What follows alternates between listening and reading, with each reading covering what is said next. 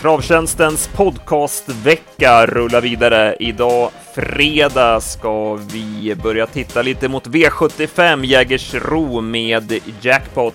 Vi ska snacka upp V75s femte avdelning som du PA har jobbat med och eh, du vittrar skräll här. Du har en riktigt fräck eh, spelidé. Ja, jag hoppas att det blir skräll. Jag tycker det är lite sårbart på båda favoriterna faktiskt, Bugatti Miles och Parker som Båda har ju galopperat en del, eh, speciellt Parker är osäker från start. Va? Så att jag, eh, tipsettan till nummer 9, Van Gills, eh, han spelar på 3% i nuläget. Eh, jag tycker det är en bra häst som höjs eh, flera klasser i André Eklunds eh, regi och jag tycker han har sett väldigt fin ut en längre tid nu. Sist var det väl ingen superprestation kanske sådär vid första anblicken, men han var åtgärdad och han var nog inte så tufft jobbad inför det och jag tror att man, ja men han fick det loppet med det här loppet då i sikte. Så är han anmäld barfota runt om. Det är faktiskt första gången i karriären i 38 starten. Det är inte hundra att det blir så, men det låter som om det ska bli väldigt fina förhållanden. Så jag hoppas på det. Eh, kan få bra lopp. Eh, han har absolut inget emot 2,6. Han har ju två segrar i raden på den distansen. Och eh, Eh, jag tror att det blir rätt så tuff körning. Det var synd att inte Edensborg var med. För den hade ju verkligen satt färg på det här loppet. Det hade ju varit ännu bättre då kan jag tycka. Men nu är den struken. Men jag har feeling för att det kan bli bra åt van Gils. Och Stefan Persson kör också. Eh, han är ju i zonen då efter segrarna i lördags på V75. Vad säger du då om favoriten Bugatti Miles? Ja, lite, han var okej okay i Karlstad sist, men eh, lite, ja, men, lite besvikelse ändå. Gaylord Am som slog honom fick ju göra ganska mycket jobb, så att eh, han borde kanske ha vunnit då. Han är inte riktigt lika mycket spelad som han var då, men han är ju ändå ganska klar favorit. Och, sen är han ju, han har ju tagit extremt lugnt från start de båda sista gångerna efter galoppen där på Valla den 11-8. Så jag vet inte hur man tänker nu om man fortsätter med de där försiktiga avgångarna. Sen har han inte startat på en månad och ja, men lite sådär. Inte, känns inte givet att han vinner det här loppet. Vi har ju en A-grupp här på 9 Fangils, 5 Bugatti Miles och 8 Parker. Parker då, vad säger vi där? Ja, jag tycker det är en ruskigt bra häst. Alltså, han, den prestationen han gjorde i derbykvalet för tre starter sedan, den är inte många som gör. Och sen, sen vann han ju på Jägers, det vart ju lite halvbilligt det här loppet. Och sen gick han ju utvändigt om om eh, stallkamraten Santos de Castella senast. Och, ja, man fullföljde bra, jag hade 12 sista varvet. Han, han är stark och kapabel nog att vinna det här loppet, även om man får göra lite jobb på vägen. Men som jag sa där inledningsvis så har han galopperat flera gånger bakom bilen och även om spår 8 och ingen, eller spår 7 blir det ju nu, men ingen häst på utsidan är gynnsamt så är det inte givet att han går felfritt och eh, lite sårbar med tanke på det. Och sen är det väl det är väl ändå stor risk för hans del då att Bugatti Miles kommer före honom och kan köra sig till spets. Han får göra jobbet utvändigt om den. Men på, jag gillar hästens kapacitet så jag har den ändå i A-gruppen.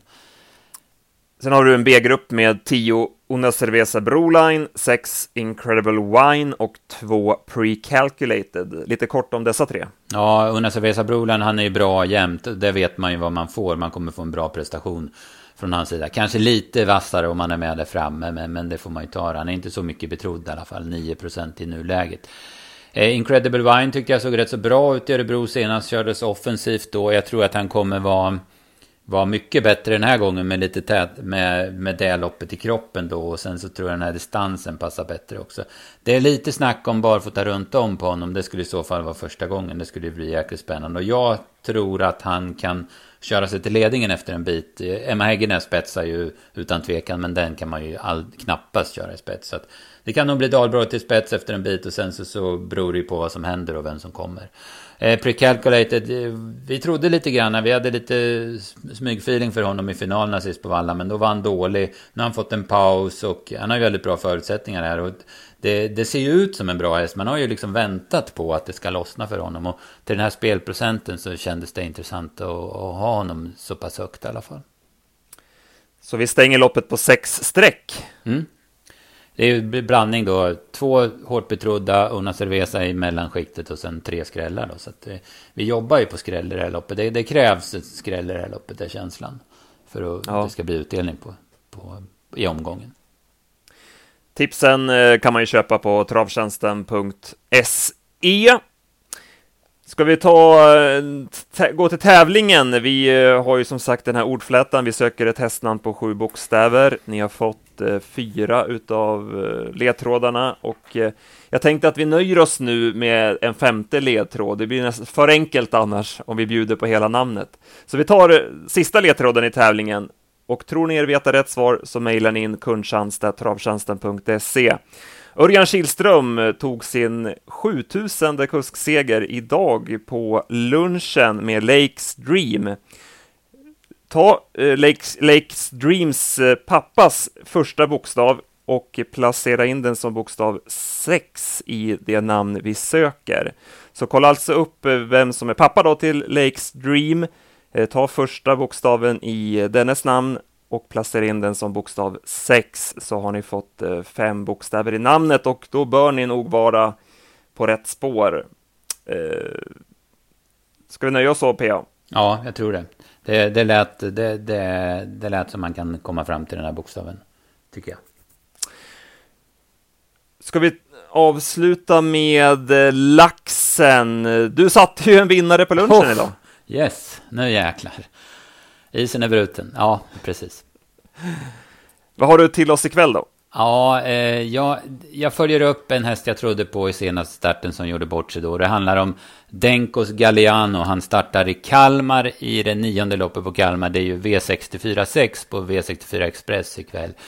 Han var jättefin vid segern näst senast, men senast så hade han spår 1 i voltstart. Jag trodde han skulle spetsa och vinna det loppet, men han satte inte en fot rätt. Nu har han visserligen spår 8, 1600 out och det är inte de roligaste förutsättningarna, men jag tycker inte motståndet ser så avskräckande ut, utan jag, jag testar att lira 50 vinnare på Denkos Galliano.